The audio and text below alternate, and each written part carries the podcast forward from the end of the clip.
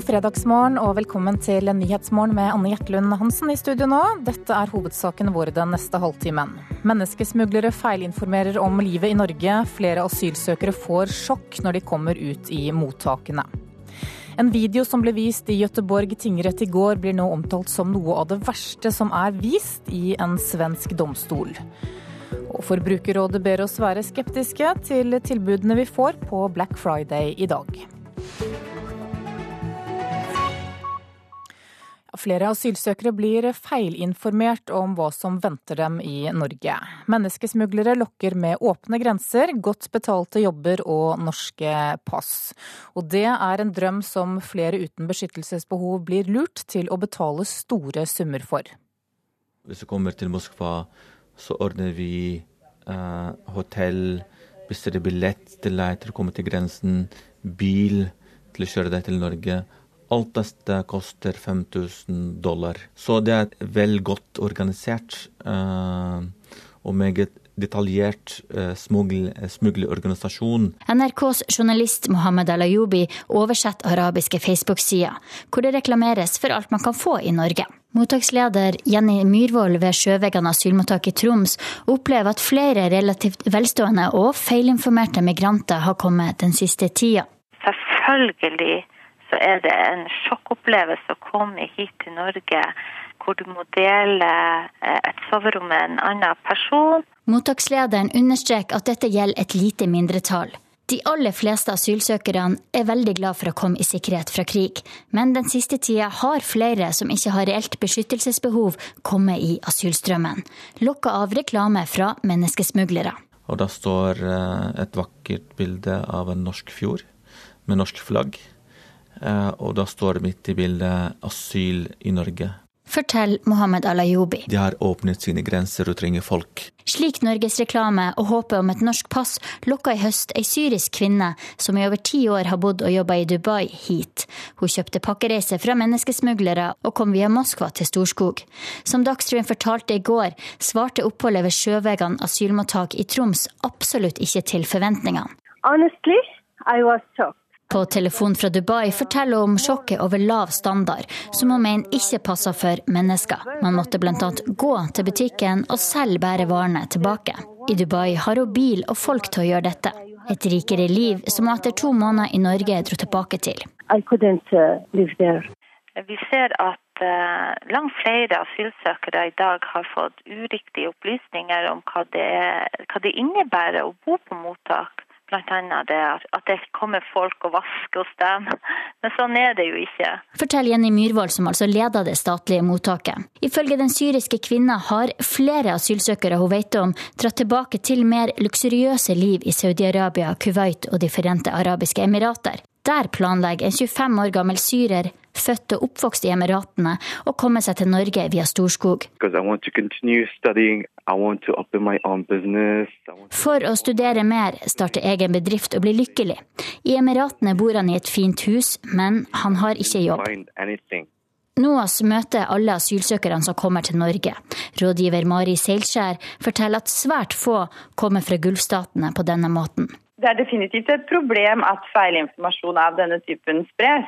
Um, og det er jo negativt for alle andre enn en smuglerne at det blir gitt en helt uriktig framstilling av hvordan tilværelsen er som asylsøker i Norge.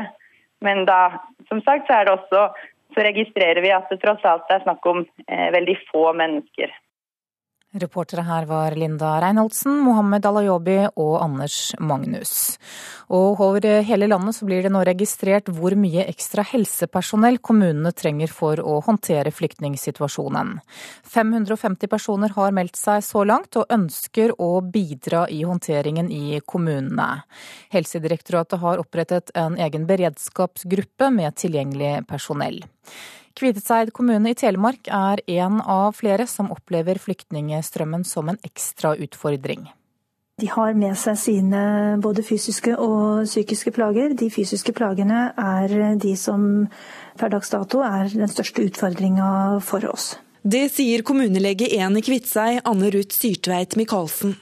Kommunen, som består av 2500 innbyggere, har på kort tid i tillegg fått nesten 400 asylsøkere. Men de har ikke kapasitet til å møte behovet.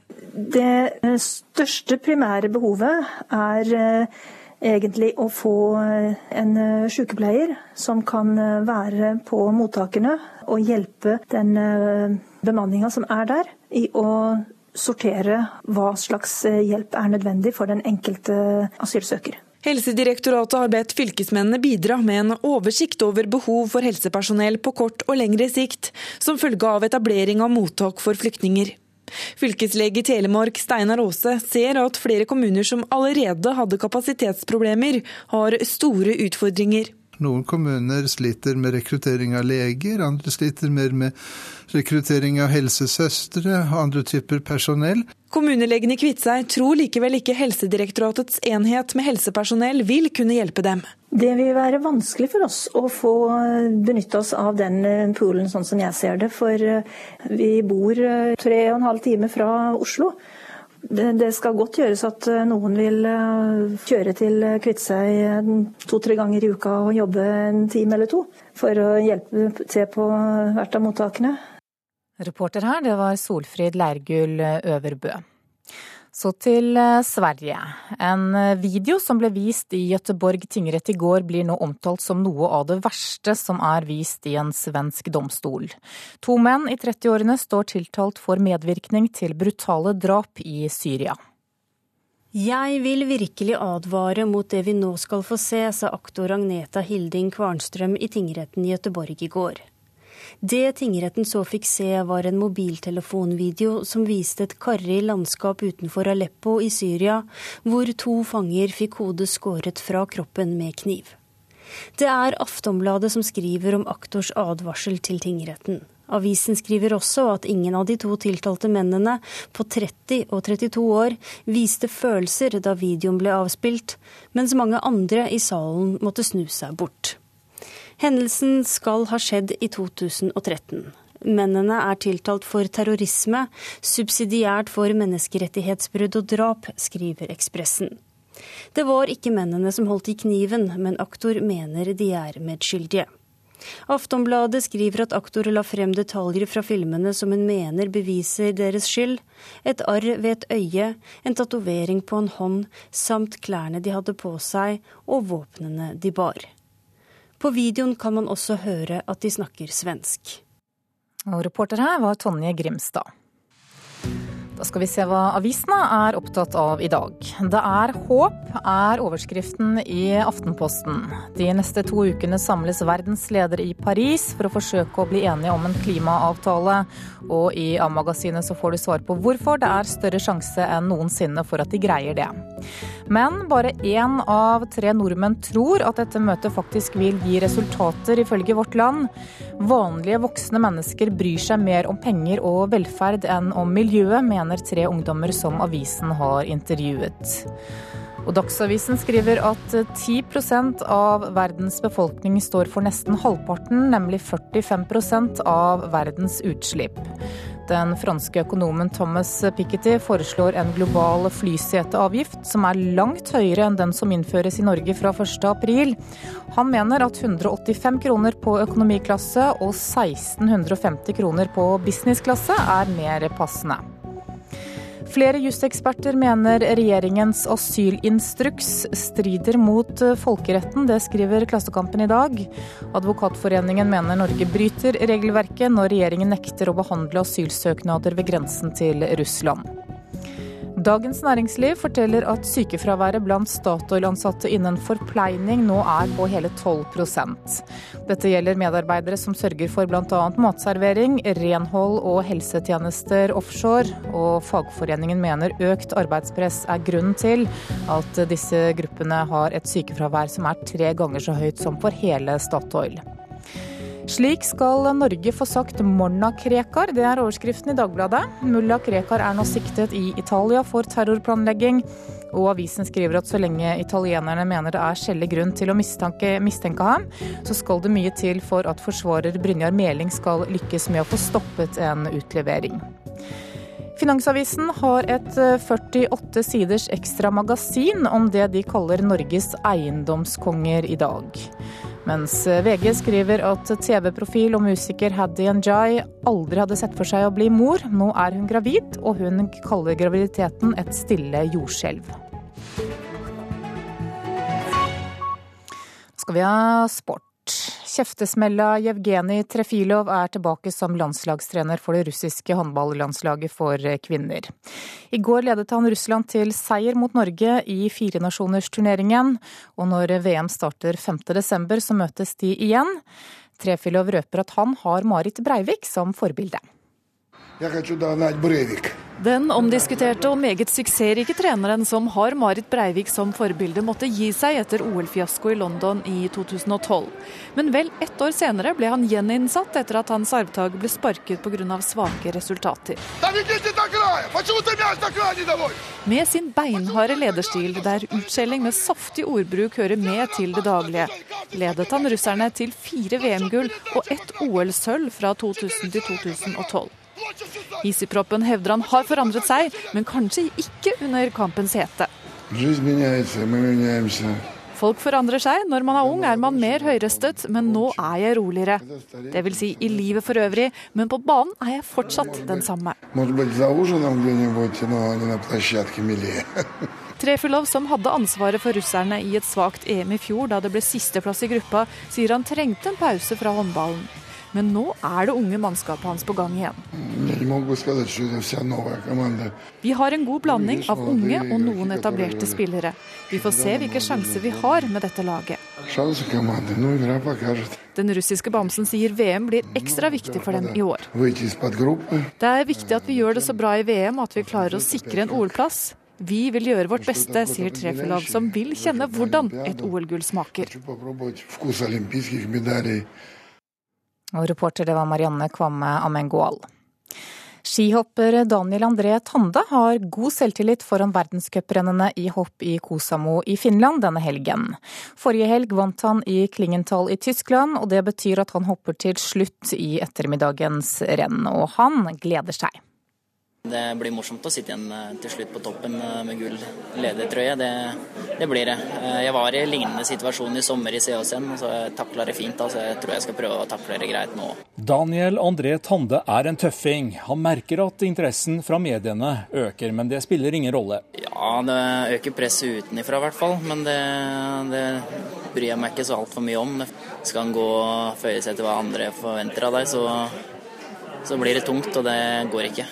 Hoppformen er stabil, derfor har det liten betydning at kvalifiseringen blåste bort i går. Og han håper han kan være med å kjempe om seieren igjen, selv om bakken og forholdene i Kosamo er spesielle. Jeg håper jo på det, selvfølgelig. Jeg føler jeg har eh, god kontroll på det tekniske. Jeg har fortsatt eh, som mål å være topp, stabil topp ti, så det er jo det som er målet mitt. Tar jeg en topp ti-plassering, så er jeg mer enn fornøyd nok, jeg. Altså. Og Første omgang starter klokka 17, og den kan du følge på NRK TV, DAB og nett. Reporter her, det var Pål Thomassen. Du hører på Nyhetsmorgen nå. Klokka er 6.47, og dette er hovedsakene våre. Menneskesmuglere feilinformerer asylsøkere om hva de kan vente seg i Norge. Flere av dem får sjokk når de kommer ut i mottakene. Regn og vind har herjet både i nord og på Vestlandet i natt. Og vær skeptisk til tilbudene på Black Friday i dag. Det er oppfordringen fra Forbrukerrådet. Men først skal vi høre at sykefraværet blant forpleiningsansatte i Statoil nå er på over 12% Det skriver Dagens Næringsliv. Gruppen det er snakk om sørger for renhold, mat og andre støttefunksjoner på plattformene. Fraværet her er tre ganger så høyt som for hele Statoil.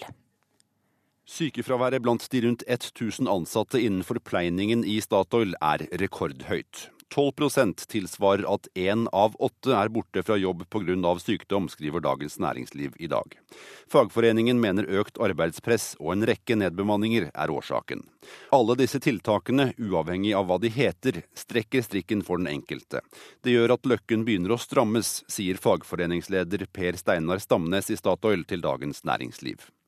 Mediekontakt Ole Anders Skauby i Statoil sier til avisen at selskapet ikke oppgir sykefravær for område, avdelings- eller funksjonsnivå, men han erkjenner at fraværet har vært høyt i offshore forpleining.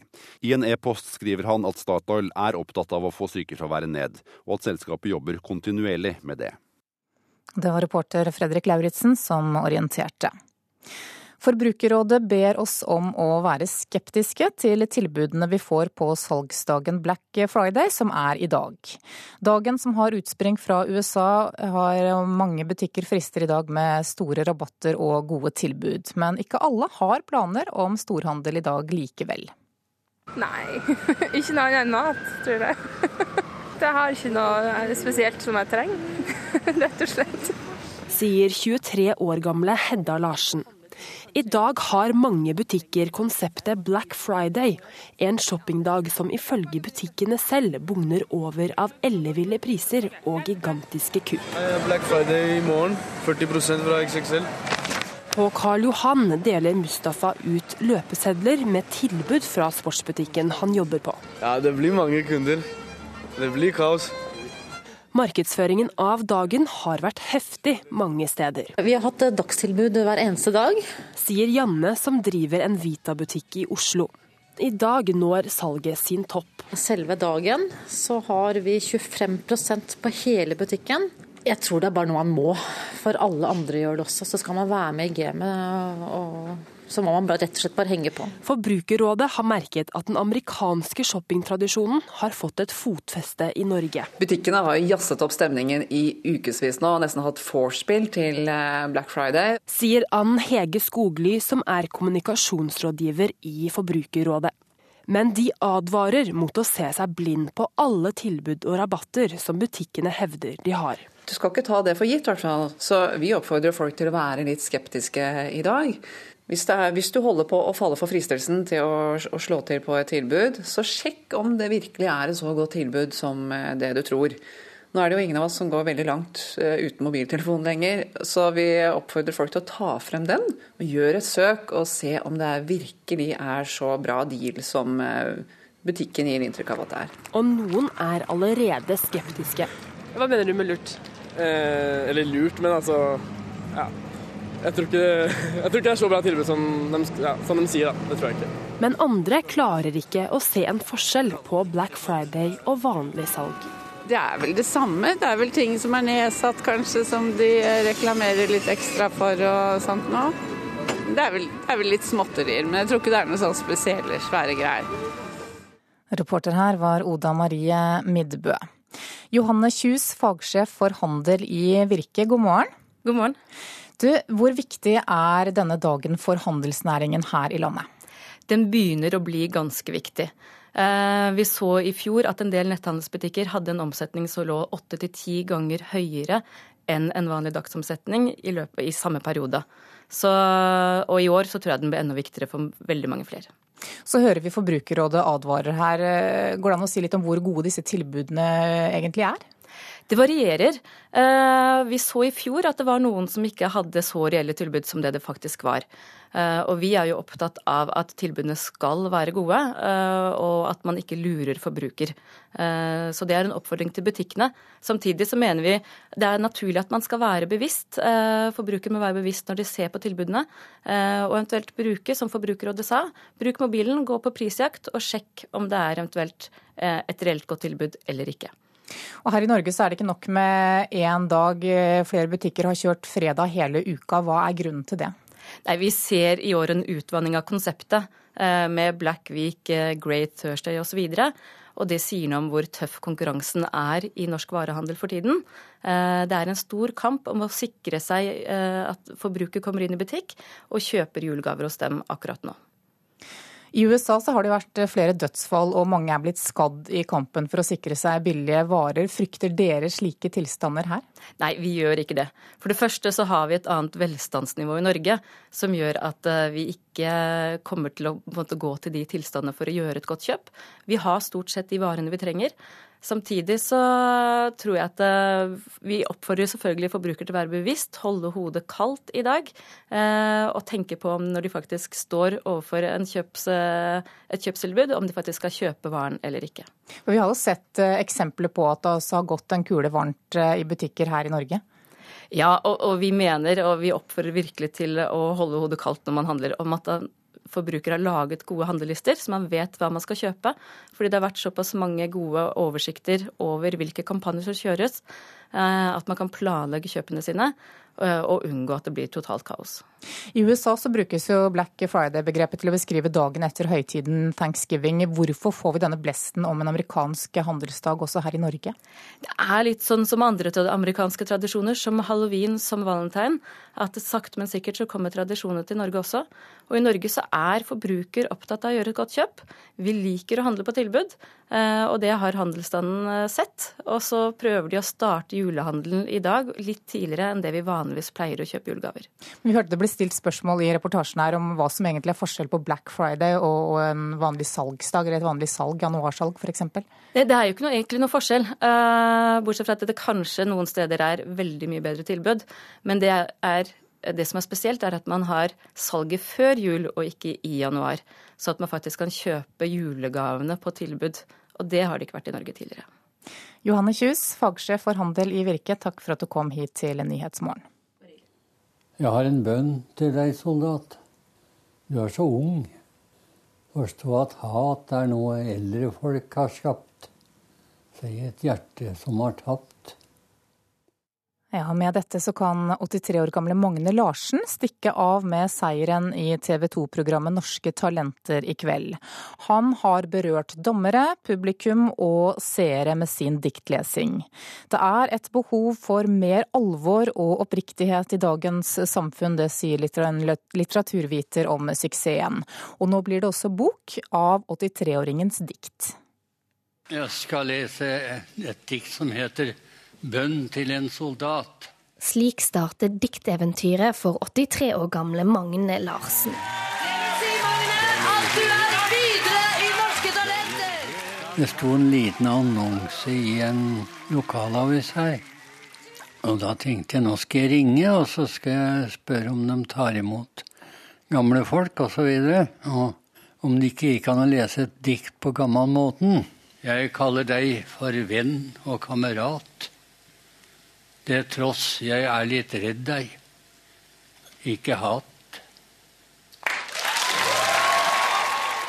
I kveld kan 83-åringen og diktene hans stikke av med seieren i TV 2-programmet Norske talenter foran elleve andre finalister. Det har i hvert fall vært en suksess hittil, og kommer i bokform nå. I løpet av livet har han skrevet rundt 100 dikt, og de må han nå lete frem igjen. men i all verden. Der ligger det noe, ser det ut som. For hans livslange drøm går nå i oppfyllelse. TV-opptredenene har gjort at Larsen har blitt oppringt av flere forlag som ønsker å gi ut diktene hans. Og her var det førstemann til mølla. Er de først, så er de først. Vi så ham på TV, og vi eh, var flere av oss på forlaget som eh, ble veldig fascinert av ham. Dette er Anne Iversen i forlaget Vigmostad og Bjørke. De var først ut med å kontakte Larsen, og på mandag gir de ut diktsamlingen Dikt og fanteri. Jeg tror det finnes et veldig stort behov for alvor og oppriktighet i dag. Og kanskje særlig blant uh, unge. Marit Grøtta er litteraturviter og poesianmelder. Altså jeg tror det er eh, mye viktig som skjer i musikktekster, både hiphop og viser og annet. At de eh, evner å sette ord på følelser og erfaringer, som mange mm, syns er viktig. Men poesi har jo annet, et annet tempo, altså en helt annen ro i seg til ettertanke. I kveldens finale møter 83-åringen bl.a. sangeren Sigrid Håndshus og gitaristen Odin Landbakk. De er begge 13 år gamle, noe som gjør at Magne Larsen langt ifra tar seieren på forskudd. Nei, det er så mye flinke unger, unger til og med. Ungdom og unger. Og, og jeg er 83. Det er jo helt Nils alt sammen. Nei, nei. Reporter her, det var Marie Røsland. Skal vi se hva slags eh, vær vi kan vente oss frem til midnatt. Fjell i Sør-Norge, sørvestlig stiv kuling utsatte steder. Regn, snø over ca. 1600 meter, mest nedbør i vestlige områder. Sent i kveld minkende vind og synkende snøgrense. Østafjells på kysten periodevis stiv kuling. Skyet. Regn i Vest-Agder, ellers litt spredt regn eller yr nær kysten. Rogaland sørvestlig liten kuling utsatte steder. I ettermiddag sørlig opp i stiv kuling på kysten i nord. Regn, lokalt mye nedbør. I kveld dreining til nordvestlig opp i liten kuling. Regnbyger og snø i høyden. Hordaland og Sogn og Fjordane sørvestlig stiv kuling utsatte steder. Periodevis sterk kuling nord for Bergen og ved Stad liten storm. Regn og det er ventet lokalt mye nedbør. I kveld minkende vind og overgang til regnbyger som snø over 300 meter. Møre og Romsdal økende til sørvestlig sterk kuling utsatte steder. I formiddag liten storm på kysten. Regn, lokalt mye nedbør. Sent i kveld minkende vind og overgang til regnbyger, som snø over 300 meter.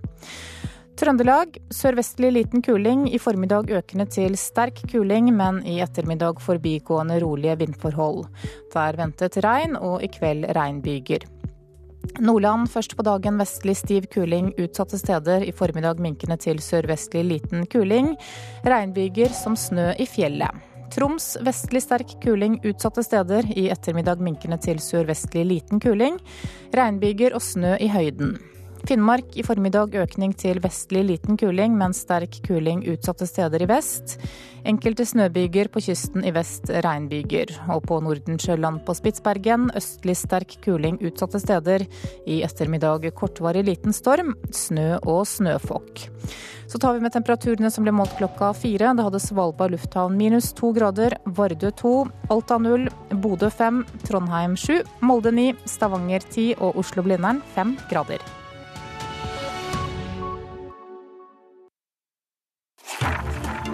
NRK P2 feirer årets bøker. På lørdag sender Kulturhuset direkte fra Deichman i Oslo. Roy Jacobsen, Morten Strøksnes, Gine Cornelia Pedersen og Siri Pettersen er noen av forfatterne som kommer. Kritikerne kommer også. Hvilke bøker gjorde mest inntrykk på dem i 2015? Ja, så har vi jo eh, et par eh, finn.no-romaner. Lørdag fra 13.30, tre timer direkte på NRK P2. Asylsøkere som får avslag, men som likevel blir værende, kan bli en ny underklasse i Europa, frykter politiets utlendingsening.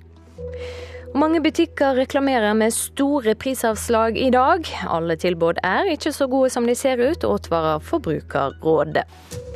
Her er NRK Dagsnytt klokka sju ved Silje Sande. Asylsøkere som har fått avslag, men ikke returnerer til heimlandet, kan komme til å utgjøre en ny underklasse i Europa. Det frykter sjefen for Politiets utlendingsenhet, PU. Mange av de som har fått avslag, eller vet de kommer til å få avslag på asylsøknaden, forlater asylmottakene. Disse kan fort havne i kriminelle miljø, sier PU-sjef Kristin Ottesen Kvigne. Vi skal være veldig oppmerksomme på at vi ikke får subgrupper som vokser opp under sikkerhetsnettet, eh, og som både er sårbare og som også kan, kan eh, fort falle inn i kriminelle løpene. Og Selvsagt så vil det jo kanskje også være grupper der som vil være veldig aktuelle i forhold til radikaliseringsprosesser. Det har vært dårlig vær både i Nordland og på Vestlandet i natt. Flere veier er stengte og ferger er innstilte. Pga. store nedbørsmengder i Bergen fløymde elver og kummer over. Flere husværer opplevde at vannet fossa inn. E6 over Saltfjellet er fremdeles stengt, det samme er Hatselbrua. I Bodø måtte politiet sperre av et område i sentrum i natt pga. flaum. De ekstreme islamistene i IS tar på seg skylda for åtaket mot en sjiamuslimsk moské i Bogra i Bangladesh i går kveld. En person ble drept og tre såret da gjerningsmennene skjøt mot folk i bøen. IS skriver på nettsida at det er de som står bak åtaket. Forbrukerrådet advarer nordmenn mot å ta helt av i dag på Black Friday-salet. På denne handledagen, som er kommet hit de siste åra fra USA, frister butikkene med store rabatter. Butikkene har jazzet opp stemningen i ukevis nå. Sier Ann Hege Skogly, som er kommunikasjonsrådgiver i Forbrukerrådet. De advarer mot å se seg blind på alle tilbud og rabatter som butikkene hevder de har. Du skal ikke ta det for gitt, i hvert fall. Så vi oppfordrer folk til å være litt skeptiske i dag. Hvis, er, hvis du holder på å falle for fristelsen til å, å, slå til på et tilbud, så sjekk om det virkelig er et så godt tilbud som eh, det du tror. Nå er det jo ingen av oss som går veldig langt eh, uten mobiltelefon lenger, så vi oppfordrer folk til å ta frem den og gjøre et søk og se om det virkelig er så bra deal som eh, butikken gir inntrykk av at det er. Reporter her, det var Oda Marie Midbø. Og det var eh, NRK Dagsnytt. Klokka er 7.03. Nyhetsmorgen fortsetter med disse sakene. Sjefen for Politiets utlendingsenhet er altså redd for at asylsøkere som har fått avslag på søknaden sin, vil utgjøre en ny underklasse i Europa. Regn og vind har herjet både i nord og på Vestlandet i natt. Vi får straks Norges vassdrags- og energidirektorat i studio for å gi oss en oppdatering. Og julebord kan gi en skikkelig hodepine dagen derpå. Enkelte røper taushetsbelagt informasjon til kollegaer i løpet av en slik kveld. Som vi hørte i Dagsnytt, asylsøkere som har fått avslag, men ikke returnerer til hjemlandet, vil utgjøre en ny underklasse i Europa. Det frykter sjefen for Politiets utlendingsenhet. Mange av dem som har fått avslag, eller vet at de kommer til å få avslag på søknaden sin, forsvinner fra asylmottak. Og det bekymrer sjefen for Politiets utlendingsenhet, Kristin Ottesen Kvigne. Det vi nok eh, skulle ønske oss fra politiets side, var en bedre kontroll med hvem som til enhver tid er på mottakene. Ingen har lov til å holde asylsøkerne igjen på mottaket dersom de vil ut i det norske samfunnet, men de plikter å oppgi ny adresse dersom de drar. Vi sender i stor grad folk ut for, for å, at det skal pågripes, og opplever at det blir bomturer. Så langt i år har 1507 personer forlatt asylmottak uten å returnere til heimlandet, og de har ukjent oppholdssted. Grunnen er som regel at de har fått avslag på asylsøknaden og har kort frist på å komme seg ut av landet. Røde Kors i hovedstaden åpner hver kveld akutt overnattingsplass for hjemløse. Her finner vi også asylsøkere som skulle vært ute av landet. Vi ser en viss økning i pågang fra uh, asylsøkere, ja. Det har vi gjort i høst. Rådgiver i Røde Kors, Celine Blom, er ansvarlig for akuttovernattingstilbudet og vil ikke la oss møte gjestene i ei av kirkene i Oslo. Det er en veldig veldig sårbar gruppe. og vi, har, eh, vi, prøver å skjerme rett og slett våre gjester litt for eh, medietrykk. Og det er denne gruppa PU-sjefen nå er ute og leter etter? Ja, Vår oppgave er jo å effektuere alle negative vedtak hvor folk ikke selv har reist. Eh, sånn at vi er definitivt på, på, eh, på, søken etter de menneskene for å kunne effektuere det.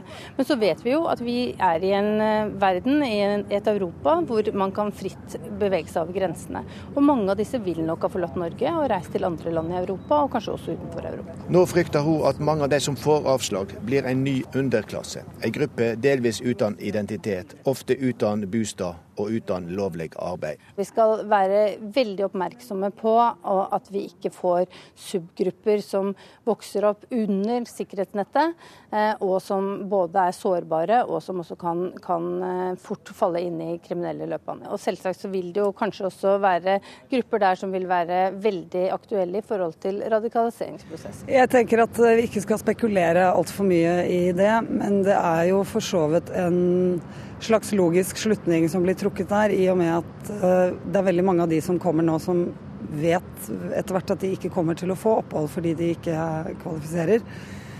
Og da er det naturlig å tenke at en del av de vil gå under jorda, for de har rett og slett ikke andre muligheter. Humanismen går eh, foran jussen her uansett? Altså, Røde Kors er internasjonalt forpliktet til å bistå migranter uavhengig av deres juridiske status. Reporter her, det var Bjørn Atle Gildestad.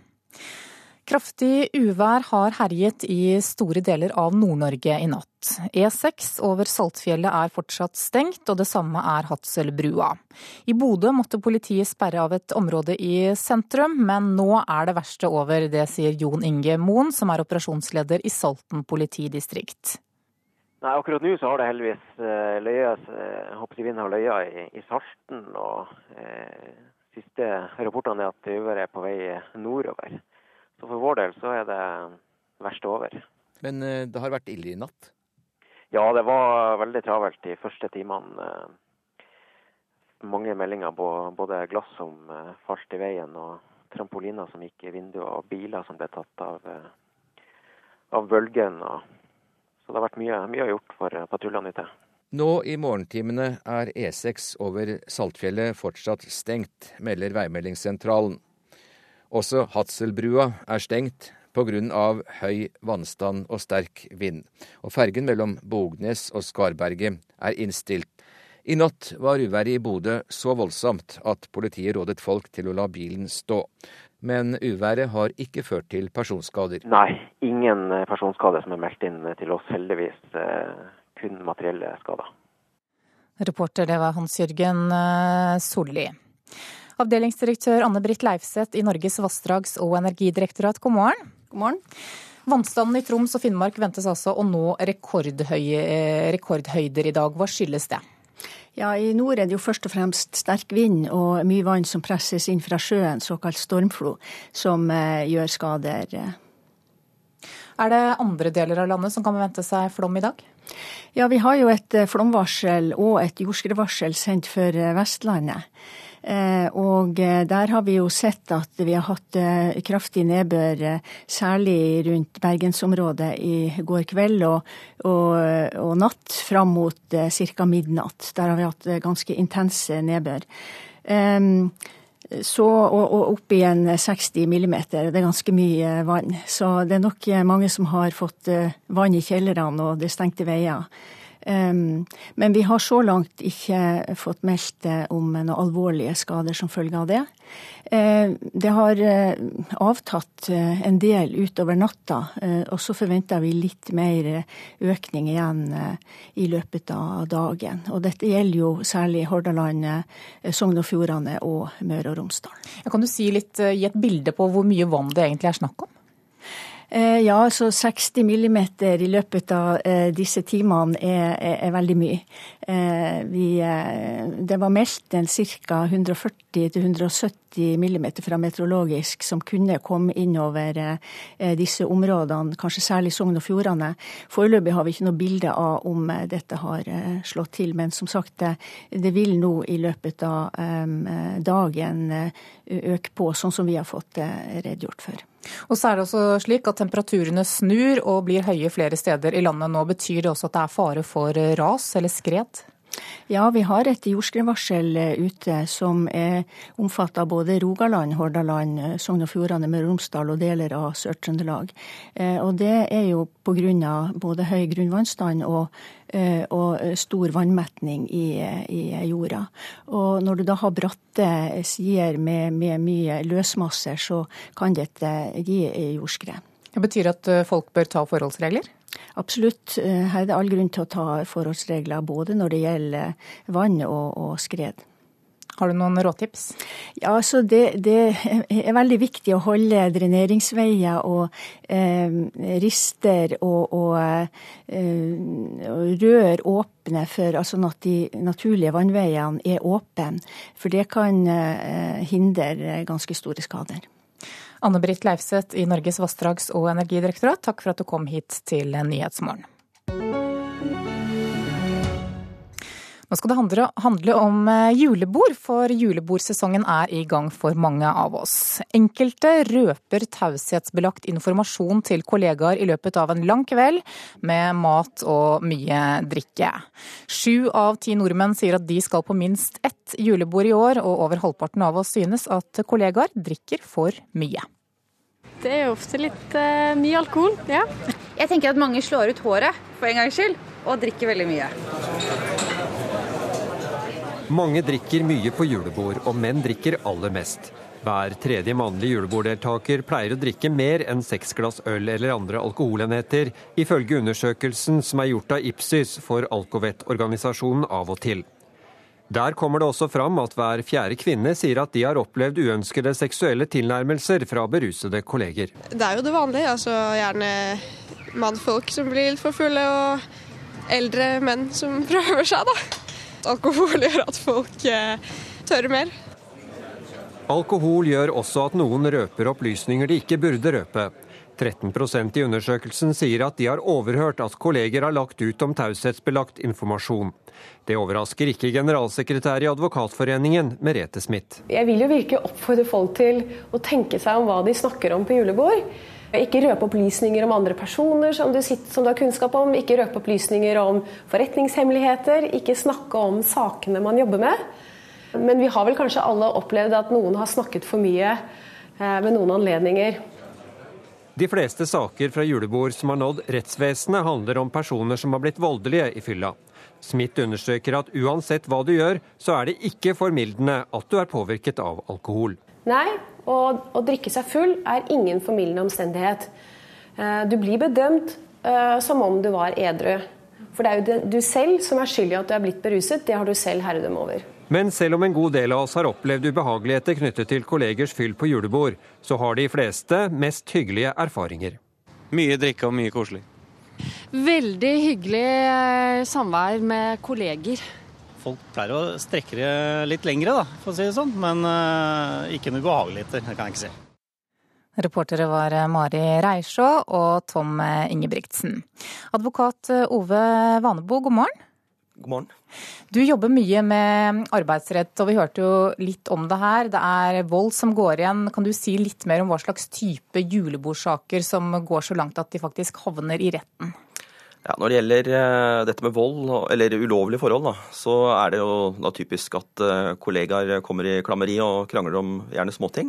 Men så har du også en del eksempler på uh, seksuelle handlinger som, som skjer, som mot det ene partens vilje, og der er det mange saker. Um, så har man en sak som jeg har sett fra Agder lagmannsrett, hvor det var en person i en mellomlederstilling som mista jobben etter et julebordkaras hvor han da hadde brukt uh, drikkebonger ulovlig og hadde vel en, en, eller annen form for seksuell omgang i en trapp. Så, så det, det, er klare eksempler på at folk gjør, gjør, dumme ting.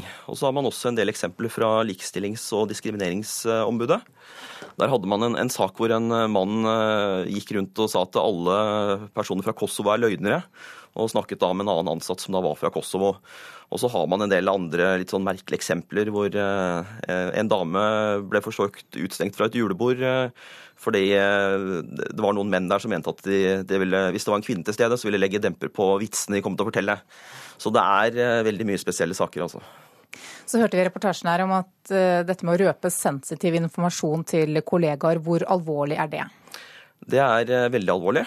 Um, det er, altså for det første så er det jo sånn at uh, I alle arbeidsforhold så har man en uh, lojalitetsplikt, som betyr at man skal fremme arbeidsgivers uh, interesser. Og det er klart at Hvis man røper opplysninger som arbeidsgiver har klart forutsatt at man holder hemmelig, så kan det få konsekvenser. Noen har også forplikta seg gjennom arbeidskontrakten til å holde en del hemmelig. Og så er det jo også sånn at Hvis du f.eks. jobber i, i, offentlig sektor, så vil det også være taushetsforpliktelser etter forvaltningsloven, bl.a. rundt eh, personlige forhold. Så hvis man f.eks. jobber i en kommune i sosialtjenesten der og begynner å snakke om en eller annen person som kan identifiseres, så kan det få ganske alvorlige konsekvenser for vedkommende. Hvilke konsekvenser da? Ehm, det mest alvorlige, eller det mest nærliggende, er jo at eh, folk eh, kan bli sagt opp. Ehm, og særlig da hvis man jobber med opplysninger som er veldig sensitive, så blir det sett på som svært alvorlig. Så oppsigelse er nok det mest nærliggende, og kanskje også straff i enkelte tilfeller. Kan det få konsekvenser også for eh, de som er arbeidsgivere? Eh, ja, altså, men da eh, vil nok mest være andre saker enn enn disse opplysningssakene. Eh, der er det flere tilfeller igjen fra Likestillings- og diskrimineringsombudet. Der har man sett f.eks. at arbeidsgivere ikke gjør nok for å forebygge uønskede hendelser. Og hvis man som arbeidsgiver f.eks. ikke har vært tydelig på policy når det gjelder seksuell atferd på julebord og andre sosiale arrangementer, så kan det få konsekvenser. Så betyr rett og slett at sjefen kan få skylda for det jeg gjør på julebordet? Eh, ja, altså etter f.eks. Eh, likestillingsloven så har arbeidsgiver en eh, forebyggingsplikt for å unngå seksuell trakassering og den type hendelser. Så i den type tilfeller så kan arbeidsgiver få en, en ganske skarp kritikk. Og, det vil også være sånn at kanskje i noen tilfeller så tror jeg til og med Arbeidstilsynet kan gå inn, men dette blir, blir litt teoretisk. Advokat Ove Vanebo, takk for at du kom til Nyhetsmorgen. Så ønsker jeg deg en fin julebordsesong. Takk for det.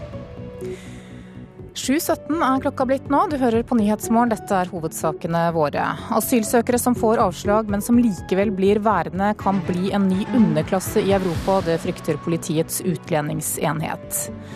Regn og vind har herjet både i nord og på Vestlandet i natt. Og følg oss videre. Tre ganger så mange ungdommer dør av aids nå som for 15 år siden. Det er ventet at russiske myndigheter i dag vil presentere nye sanksjoner og økonomiske restriksjoner rettet mot eh, Tyrkia. Dette er et svar på nedskytingen av det russiske jagerflyet på den tyrkisk-syriske grensen på tirsdag. I går kveld så var den franske presidenten Francois Hollande i Moskva for å ha samtaler med sin russiske kollega Vladimir Putin. Og korrespondent Morten Jentoft i Moskva, du fulgte pressekonferansen etter etter disse samtalene. Nedskytingen av det tyrkiske flyet ble et eh, viktig tema der. Ja, det gjorde det, særlig da fra president eh, Vladimir Putin sin side. Han eh, kom med nye opplysninger om det som hadde skjedd, sa at russerne hadde informert eh, amerikanerne amerikanerne, i tråd med de avtalene som finnes, om hvor da disse to flyene, hvor da det ene ble skutt ned, hvor de skulle eh, fly, hvor de skulle bombe. Og han reagerer da sterkt på at uh, USA da uh, kanskje ikke har formidlet dette videre til Tyrkia, eller, som han sa, enda verre, hvis Tyrkia ikke har tatt hensyn til denne informasjonen. Tyrkerne har jo sagt at de ikke visste visste at det var et russisk fly som kom her, men eh, det er tydelig at eh, det er en forklaring som eh, russerne ikke kjøper. Og, krigen er fremdeles tøff mellom, mellom Tyrkia og, og Russland her. Ja, hva slags tiltak kan Tyrkia vente seg nå? Ja, Det er først og fremst eh, tiltak rettet mot eh, næringslivet, mot handel eh, det er snakk om her. Det er ikke snakk om en full boikott av tyrkiske varer. Man har allerede gitt ordre at veterinærmyndighetene her skal kontrollere, som det heter da, tyrkiske matvarer nøyere, og at det er mange av disse som ikke holder mål. Eh, russerne har jo ofte brukt nettopp Mattilsynet og kontroll av matvarer som en, et politisk virkemiddel. Og Det kan nok også bli eh, en del andre kanskje mest symbolske tiltak eh, rettet mot samarbeidsprosjekter. Men det er tydelig at man verken fra russisk eller tyrkisk hold ønsker virkelig å ramme kjernen i samarbeidet mellom de to landene, som først og fremst går inn for tung industrienergi. Der eh, er nok det for store økonomiske interesser på spill. Og så sa Putin og Hollande at de skal samarbeide militært i Syria i kampen mot det de kaller terrorister. Hva går dette samarbeidet ut på? Ja. Ja, Det skal bli interessant å se. fordi at eh, Man sier som sagt at man skal definere nå hvem som er venn og fiende i Syria. Altså hvilke eh, grupper som virkelig er terrorister, og hvilke også av disse opprørsgruppene som slåss mot eh, president Bashar al-Assads regime, som det er mulig å ha en dialog med, og som da ikke skal angripes. Dette er jo noe av kjernen i det som har skjedd i, i, i Syria den siste uken. Eh, der uh, Tyrkia og også andre vestlige land beskylder da Russland da for eh, kun å tenke på sin støtte til Assad-regimet, og bl.a. bomber eh, grupper, grupperinger da, som ingenting har med den islamske staten å gjøre. Så eh, Man skal altså utveksle etterretningsinformasjon, man skal ha et militært samarbeid, men hvordan man da skal definere da, disse gruppene, det er nok et arbeid som gjenstår ennå. Takk skal du ha, korrespondent Morten Jentoft i eh, Moskva. Tre ganger flere ungdommer dør av aids nå, sammenlignet med i år 2000. Det går frem av en ny rapport fra FNs barnefond Unicef. Aids er den vanligste dødsårsaken blant unge mellom 10 og 19 år i Afrika, men også i Europa så er hiv-smitten på vei oppover. Det er storfint besøk i Mamohato senter for barn og unge som er smittet av hiv-viruset. Senteret ligger i Lesotho, landet som ligger som en øy inne i Sør-Afrika. Det er Storbritannias prins Harry som er på besøk for å vise sin støtte til barna som er rammet. Lesotho still has the second highest rate of HIV in the world, and UNAIDS estimates that only 30% of adolescents believed to be living with HIV. Utfordringene er fortsatt store, sier prins Harry. Han viser til at bare 30% av hiv-smittede ungdommer i Lesotho får behandling. Og en ny rapport fra FNs barnefond Unicef viser at tre ganger flere ungdommer nå dør av aids på verdensbasis, sammenlignet med tallene for 15 år siden.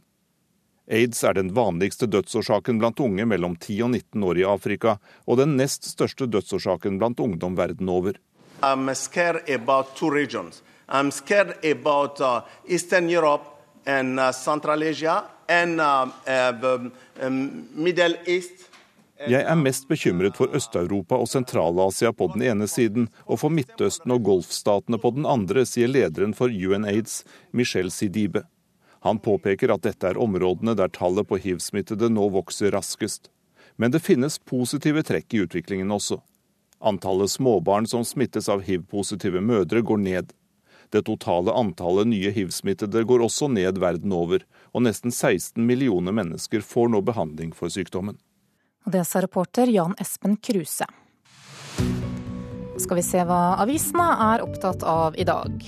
Det er håp. Det er overskriften i Aftenposten.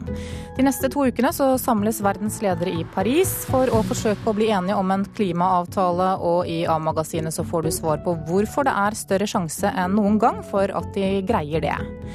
Men bare én av tre nordmenn tror at dette møtet faktisk vil gi resultater, ifølge Vårt Land. Vanlige voksne mennesker bryr seg mer om penger og velferd enn miljøet. Det mener tre ungdommer som avisen har intervjuet. Dagsavisen skriver at 10% av verdens befolkning står for nesten halvparten, nemlig 45% av verdens utslipp. Den franske økonomen Thomas Piketty foreslår en global flyseteavgift som er langt høyere enn den som innføres i Norge fra 1.4. Han mener at 185 kroner på økonomiklasse og 1650 kroner på businessklasse er mer passende. Flere juseksperter mener regjeringens asylinstruks strider mot folkeretten. Det skriver Klassekampen i dag. Advokatforeningen mener Norge bryter regelverket når regjeringen nekter å behandle asylsøknader ved grensen til Russland. Dagens Næringsliv forteller at sykefraværet blant Statoil-ansatte innen forpleining nå er på hele 12% Dette gjelder medarbeidere som sørger for bl.a. matservering, renhold og helsetjenester offshore. Og fagforeningen, fagforeningen, mener økt arbeidspress er grunnen til at disse gruppene har et sykefravær som er tre ganger så høyt som for hele Statoil. Slik skal Norge få sagt Morna Krekar, det er overskriften i Dagbladet. Mulla Krekar er som kjent siktet i Italia for terrorplanlegging, og avisen skriver at så lenge italienerne mener det er skjellig grunn til å mistenke ham, så skal det mye til for at forsvarer Brynjar Meling skal lykkes med å få stoppet en utlevering. Finansavisen har et 48 siders ekstra magasin om det de kaller for Norges eiendomskonger i dag.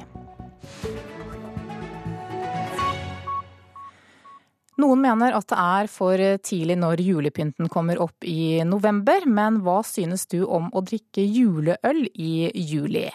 Flere og flere velger å spare juleølen til andre deler av året.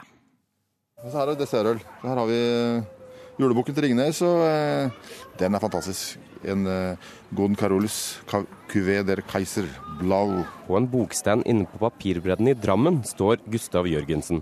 Han deler ut juleøltips fra boka 'Øl, vin, mat', som han har skrevet. Jeg syns kanskje en del av det kraftige juleølet er ikke det aller beste til all julematen. Jørgensen forteller at stadig flere velger å lagre deler av juleølet for å få sjanse til å nyte noe mer aldret juleøl ved en senere anledning. Løsningen er da å kjøpe en kasse, og så tar man én flaske hver måned. Helt til man finner ut at nå er den bra, og da kjøper en kasse selv. Nei, men da får du ikke tak i den kassa, men da har man teknikk til neste år, da eventuelt? Ja, det kan man gjøre. Da har man erfaringer neste år. at da, da lager man det til den måneden, og så drikker man det opp alt da. Det er samme som man gjør med vin. dette her. Men øl er jo mye billigere enn vin, tross alt. Jørgensen forteller òg at det såkalte levende juleølet, som alle mikrobryggeriene i landet produserer, ofte egner seg ekstra godt for lagring. Spesielt hvis det er upasteurisert og ufiltrert.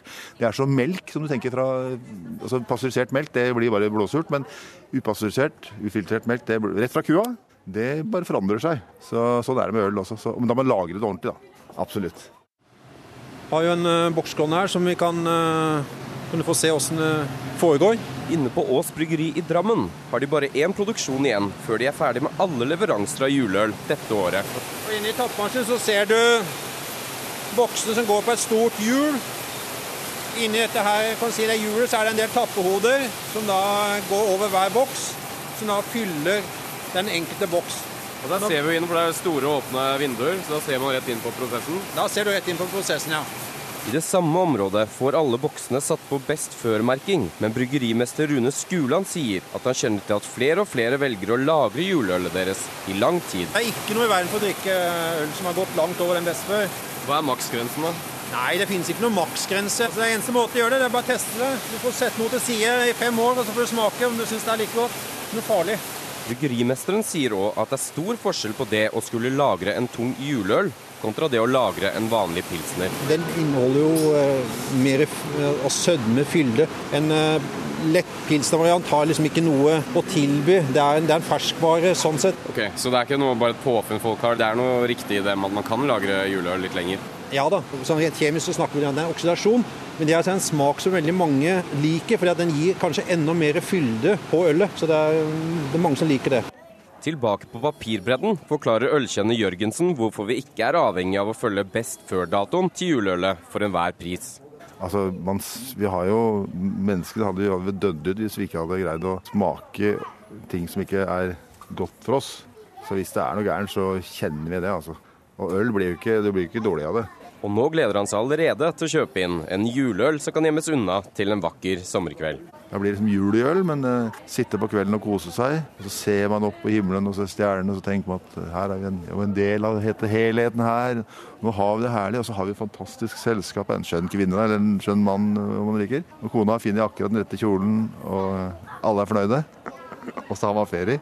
Da er det jo godt å ta en ordentlig juleøl, altså. ja. Ja, reporter her, det var Andreas Hetta. Du lytter til Nyhetsmorgen. Klokka nærmer seg 7.30 og Dagsnytt. Produsent for Nyhetsmorgen i dag heter Ulf Tannes Fjell, og her i studio Anne Jetlund Hansen.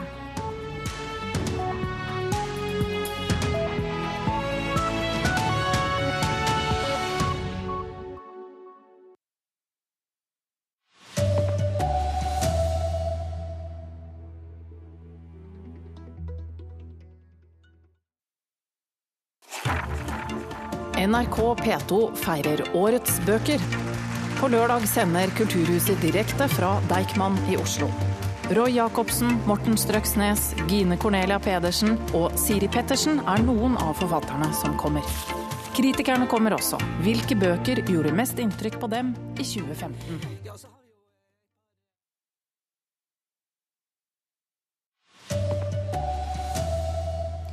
Politiet frykter en ny underklasse av asylsøkere som har fått avslag, men som blir værende her i landet.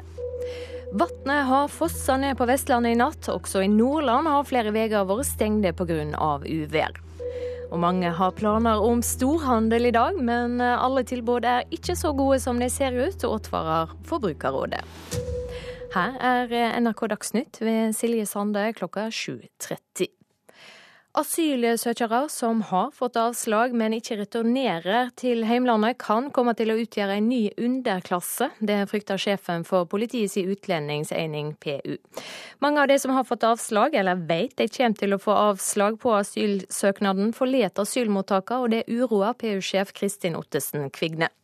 Det vi nok eh, skulle ønske oss fra politiets side, var en bedre kontroll med hvem som til enhver tid er på mottakene. Ingen har lov til å holde asylsøkerne igjen på mottaket dersom de vil ut i det norske samfunnet, men de plikter å oppgi ny adresse dersom de drar.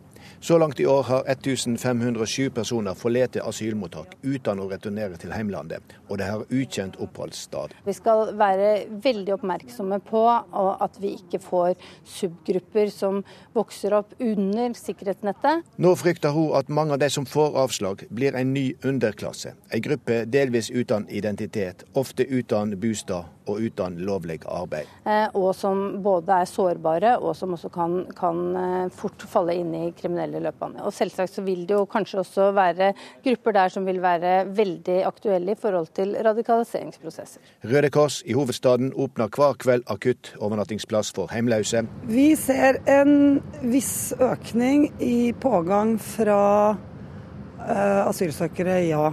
Det har vi gjort i høst. Rådgiver i Røde Kors, Celine Blom, er ansvarlig for akuttovernattingstilbudet. Altså, Røde Kors er internasjonalt forpliktet til å bistå migranter uavhengig av deres juridiske status. Og det er denne gruppa PU-sjefen nå er ute og leter etter. Ja, Vår oppgave er jo å effektuere alle negative vedtak hvor folk ikke selv har reist. Reporter Bjørn Atle Gildestad. Samstundes dreg flere velstående asylsøkere tilbake dit de kom fra, fordi de er skuffa over det de ble møtte med her. Menneskesmuglere lokker med åpne grenser, godt betalte jobber og norske pass. Flere returnerer nå fordi de blir skuffa, forteller Jenny Myhrvold ved Sjøvegan asylmottak i Troms. Klart at de får sjokk når de kommer hit til Norge og opplever å må bo på et asylmottak. Mottakslederen understreker at dette gjelder et lite mindretall. Men den siste tida har flere som ikke har reelt beskyttelsesbehov, kommet i asylstrømmen. Lokka av reklame fra menneskesmuglere. Og da står eh, et vakkert bilde av en norsk fjord med norsk flagg. NRKs journalist Mohammed Alayoubi oversetter arabiske Facebook-sider, hvor det reklameres for alt man kan få i Norge. De sier at de har åpnet sine grenser og trenger folk. Slik norgesreklame og håpet om et norsk pass lokka i høst ei syrisk kvinne som i over ti år har bodd og jobba i Dubai, hit. Hun kjøpte pakkereise fra menneskesmuglere og kom via Moskva til Storskog. Som Dagsrevyen fortalte i går, svarte oppholdet ved Sjøvegan asylmottak i Troms absolutt ikke til forventningene. Honestly, I was shocked. På telefon fra Dubai forteller om sjokket over lav standard, som hun mener ikke passer for mennesker. Man måtte bl.a. gå til butikken og selv bære varene tilbake. I Dubai har hun bil og folk til å gjøre dette. Et rikere liv som hun etter to måneder i Norge dro tilbake til. Vi ser at uh, langt flere asylsøkere i dag har fått uriktige opplysninger om hva det, er, hva det innebærer å bo på mottak. Fortell Jenny Myhrvold, som altså leder det statlige mottaket. Blant annet det at, at de bor på hotell, ja, at det kommer folk og vasker hos dem. Men sånn er det jo ikke. Reporter Linda Reinholdsen. Det kraftige uværet som har herja i store deler av Nord-Norge i natt, har nå minka. Også på Vestlandet har det vært kraftig vind og store nedbørsmengder. I Bodø måtte politiet ei tid sperre av et område i sentrum, sier Jon Inge Moen i Salten politidistrikt. Ja, det var veldig travelt de første timene. Mange meldinger på både glass som eh, falt i veien, og trampoliner som gikk i vinduet, og biler som ble tatt av, eh, av bølgen. og så det har vært mye, mye gjort for patruljene ute. Men ingen alvorlige skader? Nei, ingen personskader som er meldt inn til oss, heldigvis. Kun materielle skader. Kraftig springflo førte til at Hatselbrua måtte stenge i en periode i natt, men den er nå åpnet igjen, opplyser Midtre Hålogaland politidistrikt. Men dårlig vær har også ført til problemer andre steder i landet. På Vestlandet har mange fått vann i sine kjellere pga. høy vannstand. Det sier avdelingsdirektør Anne-Britt Leivseth i Norges vassdrags- og energidirektorat. Ja, Vi har jo et flomvarsel og et jordskredvarsel sendt for Vestlandet. Og der har vi jo sett at vi har hatt kraftig nedbør, særlig rundt bergensområdet. Opp i en 60 millimeter. Det er ganske mye vann. Så det er nok mange som har fått vann i kjellerne, og det er stengte veier. Men vi har så langt ikke fått meldt om noen alvorlige skader som følge av det. Og E6 over Saltfjellet åpna igjen for kort tid siden. Reporter Hans Jørgen Solli. Forbrukerrådet advarer folk mot å ta helt av på førjulssalet Black Friday. Mange butikker frister med store rabatter i dag. I dag har mange butikker konseptet Black Friday, en shoppingdag som ifølge butikkene selv bugner over av elleville priser og gigantiske kupp. Black Friday i morgen, 40% fra XXL. På Karl Johan deler Mustafa ut løpesedler med tilbud fra sportsbutikken han jobber på. Markedsføringen av dagen har vært heftig mange steder. Vi har hatt dagstilbud hver eneste dag. Sier Janne som driver en Vita-butikk i Oslo. I dag når salget sin topp. Forbrukerrådet har merket at den amerikanske shoppingtradisjonen har fått et fotfeste i Norge. Butikkene har jazzet opp stemningen i ukevis nå. Sier Ann Hege Skogly, som er kommunikasjonsrådgiver i Forbrukerrådet. De advarer mot å se seg blind på alle tilbud og rabatter som butikkene hevder de har. Du skal ikke ta det for gitt, hvert fall. Så vi oppfordrer folk til å være litt skeptiske i dag. Hvis, er, hvis, du holder på å falle for fristelsen til å, å, slå til på et tilbud, så sjekk om det virkelig er et så godt tilbud som eh, det du tror. Nå er det jo ingen av oss som går veldig langt uh, uten mobiltelefon lenger, så vi oppfordrer folk til å ta frem den og gjøre et søk og se om det virkelig er så bra deal som uh, butikken gir inntrykk av at det er. Reporter Oda Marie Midbø. Tre ganger flere ungdommer dør av aids nå enn for 15 år siden, ifølge FNs barnefond Unicef. Aids er den vanligste dødsårsaken blant unge mellom 10 og 19 år i Afrika. Også i Øst-Europa er det flere som blir smitta av hiv. Julebordsesongen har starta. Mange har opplevd at kollegaer røper teiepliktig informasjon i løpet av festen. Sju av ti nordmenn sier de skal på minst ett julebord i år. Det er jo ofte litt uh, mye alkohol, ja. Jeg tenker at mange slår ut håret for en gangs skyld, og drikker veldig mye. Mange drikker mye på julebord, og menn drikker aller mest. Hver tredje mannlige juleborddeltaker pleier å drikke mer enn seks glass øl eller andre alkoholenheter, ifølge undersøkelsen som er gjort av Ipsys for Alcovet-organisasjonen av og til. Alkohol gjør også at noen røper opplysninger de ikke burde røpe. 13% i undersøkelsen sier at de har overhørt at kolleger har lagt ut om taushetsbelagt informasjon. Det overrasker ikke generalsekretær i Advokatforeningen, Merete Smith. Jeg vil jo virkelig oppfordre folk til å tenke seg om hva de snakker om på julebord. Ikke røpe opplysninger om andre personer som du, sitter, som du har kunnskap om. Ikke røpe opplysninger om forretningshemmeligheter. Ikke snakke om sakene man jobber med. Men vi har vel kanskje alle opplevd at noen har snakket for mye eh, ved noen anledninger. Denne reportasjen var laga av eh, Mari Reisjå og Tom Ingebrigtsen. Bare én av fire nordmenn tror på et gjennombrudd under klimatoppmøtet i Paris. Det viser en måling Nofakta har gjort for Vårt Land. Selv om mange er skeptiske til at det kommer til å bli semje om tiltak for å bremse den globale oppvarminga, mener de aller fleste som er spurte at klimatoppmøtet er svært viktig. Det var NRK Dagsnytt i denne omgang. Ansvarlig for sendinga, Anne Skårseth.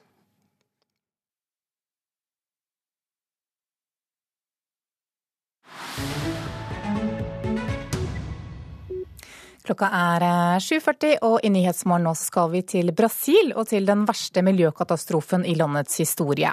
Etter at en demning brast i et gruveområde i, den sørøstlige delen av landet, så har giftig slam ødelagt alt liv i en av landets største elver. Slammet har de siste dagene også strømmet ut i Atlanterhavet, og kritikken eh, der kommer en voldsom kritikk mot de som er ansvarlige. Arnt Stefansen har sendt oss denne reportasjen fra Rio de Janeiro. En ansatt i gruveselskapet Samarco fanger opp de dramatiske sekundene da katastrofen blir utløst. En demning gir etter i et av Brasils største gruveområder, og enorme mengder slam og avfall fra produksjonen strømmer ut. Slambølgens første offer er landsbyen Bento Rodriguez like nedenfor gruveområdet. I løpet av minutter er hjemstedet til rundt 600 mennesker forvandlet til et gjørmehav. Nærmere 30 mennesker ble begravd av slambølgen, og mindre enn halvparten av dem er funnet. Bento Rodriguez ligger rundt 25 mil nord for Rio de Janeiro i delstaten Minas Gerais. Og fra den ødelagte landsbyen fortsetter bølgen av slam og tungmetaller, og den ødelegger alt på sin vei før den havner i Rio Dose, den store elven som renner gjennom området. Fra nå av er ulykken blitt en nasjonal miljøkatastrofe.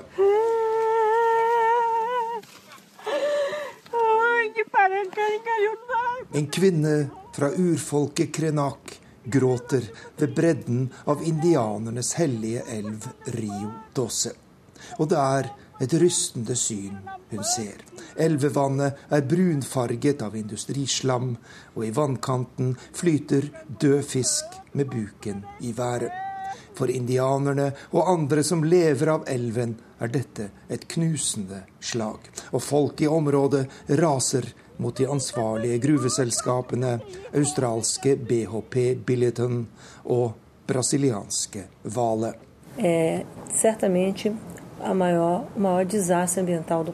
Dette er med sikkerhet den største miljøkatastrofen Brasil har opplevd, sier landets miljøminister Isabella Teixeira. Det kan ta 30 år bare å rense elven Rio Dose, og vi snakker om enorme erstatningskrav til de ansvarlige, sier ministeren.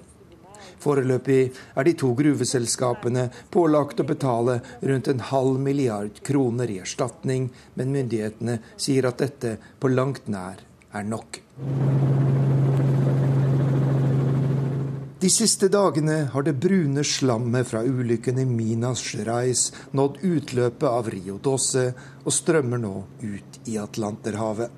Det har gitt Brasils miljøkatastrofe et globalt perspektiv, samtidig som søkelyset nå rettes mot årsakene til ulykken og mot gruveindustriens tette bånd til de mektige i brasiliansk politikk. Det er bl.a. avslørt at selskapene har fått enorme bøter de siste årene, men at mindre enn 10% av beløpene er betalt. Que o tempo inteiro submete o meio ambiente e i alle år har økonomisk fortjeneste gått foran hensynet til mennesker og miljø, sier Rio-politikeren Renato Cinco, som er en av de hardeste kritikerne av virksomheten til de to gruveselskapene BHP Billiton og Vale. Reporter det var Arnt Stefansen. 7.44 er klokka blitt nå. Du hører på Nyhetsmorgen. Dette er hovedsakene våre. Politiet frykter en ny underklasse av asylsøkere som har fått avslag, men som likevel blir værende her i landet. Vannet har fosset ned på Vestlandet i natt, og også i Nordland har flere veier vært stengt pga. uvær. Mange har planer om storhandel i dag. Butikkene averterer med Black Friday, men ikke alle tilbudene er så gode som de ser ut som, advarer Forbrukerrådet. Klokka nærmer seg 7.45, og det betyr at du skal få Politisk kvarter. Programleder i dag, det er Håvard Grønli.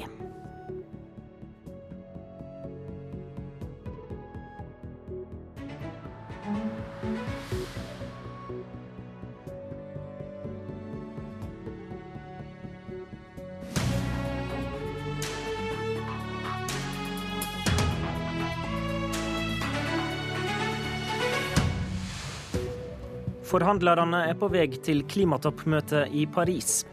Det som skjer der er ikke nok. Det er behov for et nytt norsk klimaforlik på Stortinget, sier Arbeiderpartiet. Høyre svarer med å spørre om hva Ap egentlig har å bidra med i klimapolitikken. Og på den tredje gjestestolen i Politisk kvarter sitter Miljøpartiet De Grønne for å utøve opponentrolla. I helga reiser statsminister og miljøminister til Paris for å delta på FNs klimatoppmøte i Paris, der målet er en ny internasjonal klimaavtale om reduksjon i utslipp av klimagasser. I oppkjøringa til møtet har Arbeiderpartileder Jonas Gahr Støre vært ute i VG og tatt til orde for et nytt norsk klimaforlik.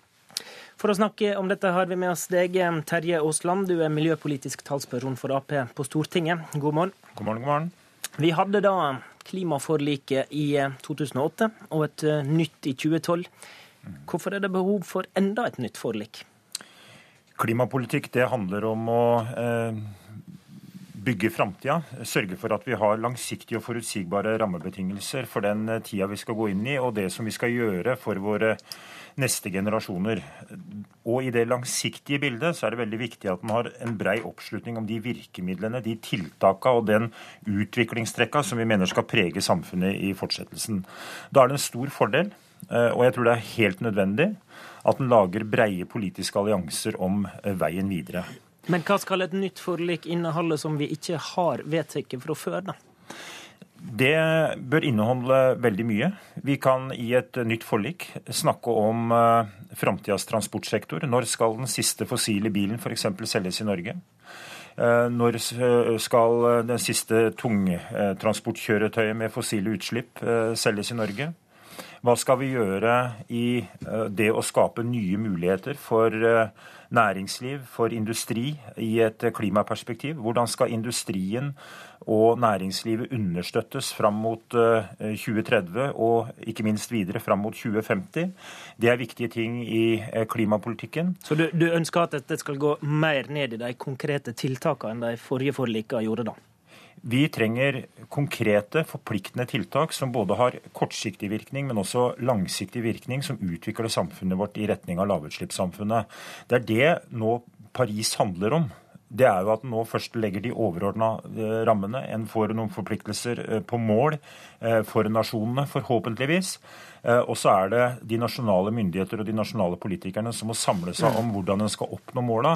Og det vi nå ser, dessverre, det er jo at regjeringen hvert eneste år de har lagt fram sine budsjetter, har det svakeste klimaalternativet.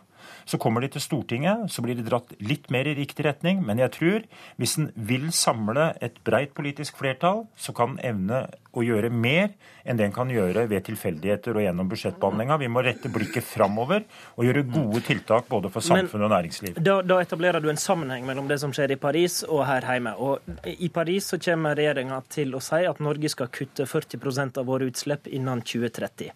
Men er det da sånn at du tror det ikke vil skje eh, i praksis uten et nytt slikt forlik som du tar til orde for?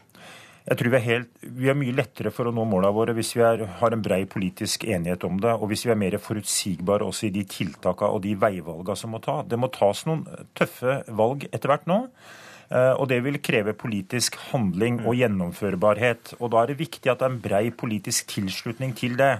Det vil være mye lettere for en statsråd, enten det er en Høyre-statsråd eller en, en eh, Arbeiderparti-statsråd, i fortsettelsen å iverksette tiltak det er brei enighet om i Stortinget. Og jeg tror det er fornuftig og klokt at den nettopp har en brei tilslutning til det. fordi da favner vi mange flere områder, og det blir mye mer forutsigbart. Næringsliv, industri osv. vet hva de har å forholde seg til. Forstår.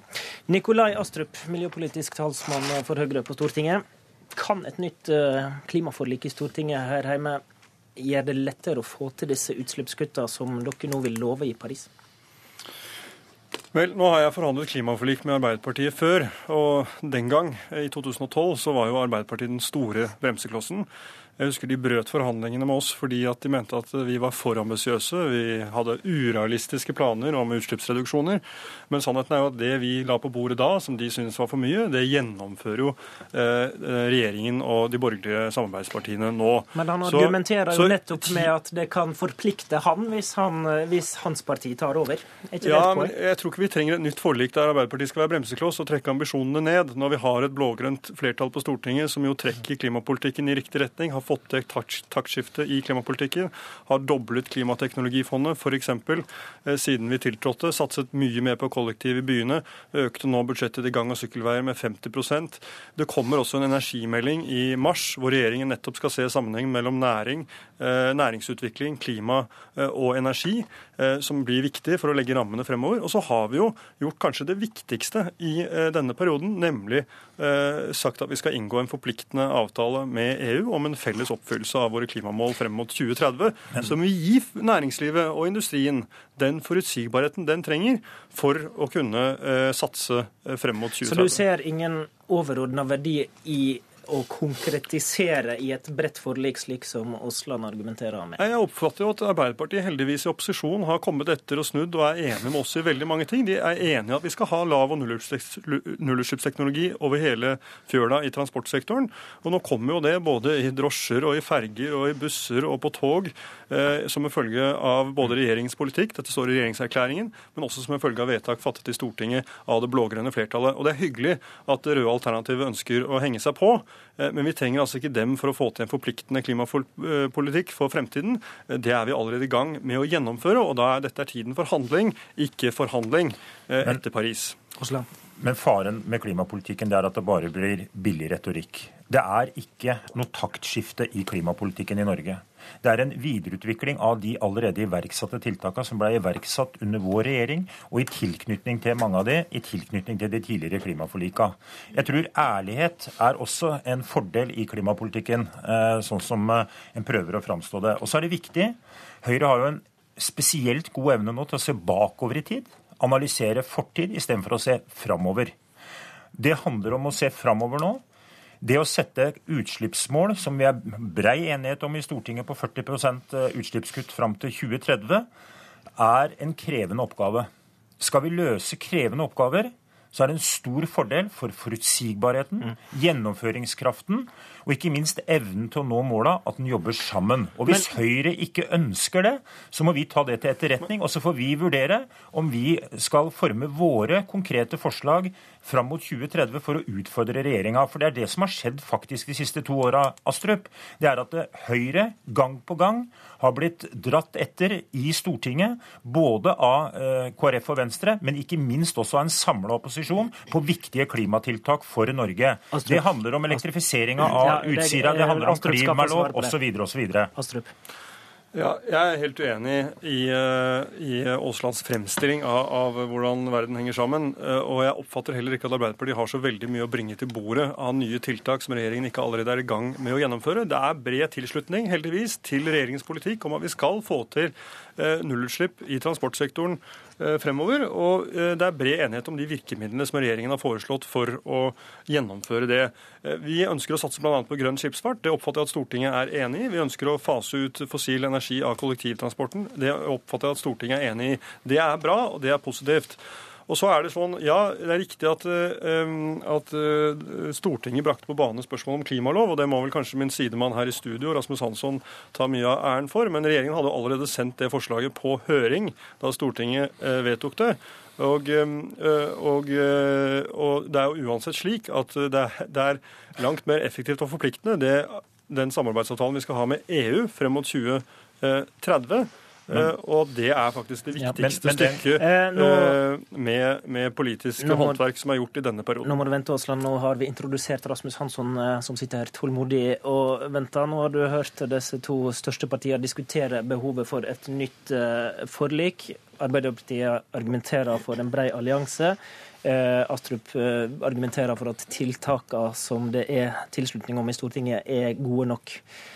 Hvor plasserer du deg i denne diskusjonen? Ja, for det første er det jo stor stas hvis vi kan få eh, Arbeiderpartiet og Høyre til å begynne å konkurrere om klimapolitikk. Eh, hittil har de vært eh, tragisk enige om å la være å gjennomføre det klimaforliket de har vært enige om. Resultatet av et klimaforlik som sier at Norge skal kutte 30% innen 2020, er jo at vi ikke har kutta noe som helst. Eh, og det er at, eh, ja, det er at eh, utslippene i transportsektoren har økt med 30 osv. Så, Så, så klimaforliket er jo en kjempefiasko. Så Terje Aasland, Arbeiderpartiet, har jo rett i at det trengs noe mer enn klimaforliket. Mens Høyre i og for seg har rett i at det er ingenting som tyder på i den politikken Arbeiderpartiet foreløpig fører på Stortinget, at de har mye nytt å bringe til bordet. Men nå, hvis det er slik at Arbeiderpartiet er villig til å begynne å foreslå og stemme for konkrete tiltak, som eh, Terje Aasland eh, stadig understreker, eh, som vil gi konkrete utslippskutt. Hvis Arbeiderpartiet er villig til å utfordre Høyre på forpliktende reduksjon av utslippene på f.eks. samferdselssektoren, som blir veldig viktig, og ikke bare snakke om grønn skipsfart samtidig som man skal bygge en fergefri E39 til 200 millioner kroner som skal komme til å hindre transport på sjøen. Det er, det er, den typen problemer som eh, ligger under i klimapolitikken. At man gjør noe bra, og så sørger man for å gjøre det motsatte, som, eh, som ødelegger for eh, klimagevinsten. Mm. Så jeg syns at dette er, en, dette er, en, spennende diskusjon. Høyre og Arbeiderpartiet har begge to en lang vei å gå før de faktisk leverer en ordentlig klimapolitikk. Men du mener Men da, når du refererer til fortida, at det i seg sjøl, at det var et bredt forlik, er det egentlig ingen stor verdi i? Det har vist seg å øh, kanskje ha motsatt effekt, fordi at øh, alle de partiene som har vært med i klimaforliket, har vært så opptatt av å forsvare øh, klimaforliket at det er blitt viktigere for dem enn å være selvkritisk nok til å gjennomføre innholdet i klimaforliket. Klimaforliket er blitt en slags klam vått over norsk klimadebatt, fordi alle var så enige at de ikke tør å krangle åpent. Hvis vi nå får eh, Høyre og Arbeiderpartiet til faktisk å ha en forpliktende debatt om en offensiv klimapolitikk, så får vi kanskje eh, flytta norsk klimadebatt lenger i retning av der hvor Miljøpartiet De Grønne vil ha den, og det er dit den må hvis den skal begynne å virke. Aasland, du snakka nettopp om dette med ærlighet, og mye tyder på at klimamålsettingene for 2020 som Hansson er inne på nå, ikke blir nådd. Det har nettopp statsministeren denne veka vært ærlig på. Og da lurer jeg på, hva, hva hjelper da et nytt forlik, hvis dere som var bak det forrige, ikke kjenner dere forplikta på å oppfylle det? Jeg tror alle som var med i forliket og de tidligere forlikene, føler seg forplikta til det. Og jeg mener at det er bestemt positivt at de klimaforlika og de, de enighetene vi hadde i fellesskap i de tidligere rundene, faktisk har gjort at vi har gjort endringer. Så kommer kanskje ikke endringene raskt nok. og Det er det som er, det er, er utfordringa i klimapolitikken. Hvis en tar kollektivtransporten, da. Vi er enige om at vi skal ha lav- og nullutslipp en gang der framme. Men når? Hvor raskt kan vi sette i gang virkemidlene? Ta fergene som vi vil elektrifisere i fellesskap på Stortinget. Men hvor raskt vil vi gjøre det? Vil vi bruke anledningen til å gjøre det nå, i en lavkonjunktursituasjon? Vil vi bruke det nå, sette inn virkemidler, sørge for at fylkeskommuner, kommuner osv. kan framskynde mm. kontraktsinngåelse, få nye ferger? Hvor kan vi gjøre ja. det med kollektivtrafikken? Det er sånne elementer som går mye raskere, og som en kan legge mye mer trykk på hvis en har en brei politisk enighet om det. For da er en veldig tydelig på virkemiddelbruken, og det er helt avhengig å ha det for å lykkes med klimapolitikken. Ja, nå har jo Stortinget akkurat behandlet et, vedtak, et, forslag om nettopp at regjeringen skal iverksette tiltak som sikrer at alle nye fergestrekninger, når de legges ut på anbud eller ute i egen regi, skal ha null- eller lavutslippsteknologi fremover. og Dette er jo en oppfølging av det som står i regjeringserklæringen, og det er bred enighet om det i Stortinget. Så det er veldig fint at, at vi Terje Aasland også er enig i det. Men, men det var jo men, de som fremma det forslaget, Astrup. Ja, men det, lå i regjeringserklæringen i, fra Sundvolden, så jeg tror nå gjelder det å være, holde tunga rett i munnen, Terje Aasland. Men poenget er jo at målene i det klimaforliket vi har, er jo på mange måter erstattet av det Stortinget sluttet seg til om målene om 40% reduksjon i 2030 i samarbeid med EU. Det er et veldig godt mål. og Så gjelder det nå at vi klarer å fylle på med tiltak som gjør at det er mulig å nå det målet. Og Da handler det i bunn og grunn om at vi må få til en omstilling i transportsektoren. Vi må redusere utslippene i byggsektoren, og vi må gjøre noe med utslippene i landbruket. Og så vil industriutslippene også komme inn under EUs kvotesystem. Ja. Det som er realiteten, det er at det foreligger fra Miljødirektoratet og masse andre lange rekker med helt konkrete forslag eh, om tiltak som vil gi helt konkrete kutt innen så og så lang tid. Disse forslagene har en del av dem blitt fremmet i Stortinget. De blir nedstemt av Høyre, de blir nedstemt av Arbeiderpartiet. Samtidig så planlegger Høyre å gjøre akkurat det samme som Arbeiderpartiet gjør, nemlig å løse veldig mye av klimaforpliktelsene sine ved å kjøpe kvoter. Og det er når det blir omvendt, når vi ikke kjøper kvoter, men gjennomfører tiltak i Stortinget, at klimapolitikken begynner å virke. Det er det viktigste. Takk.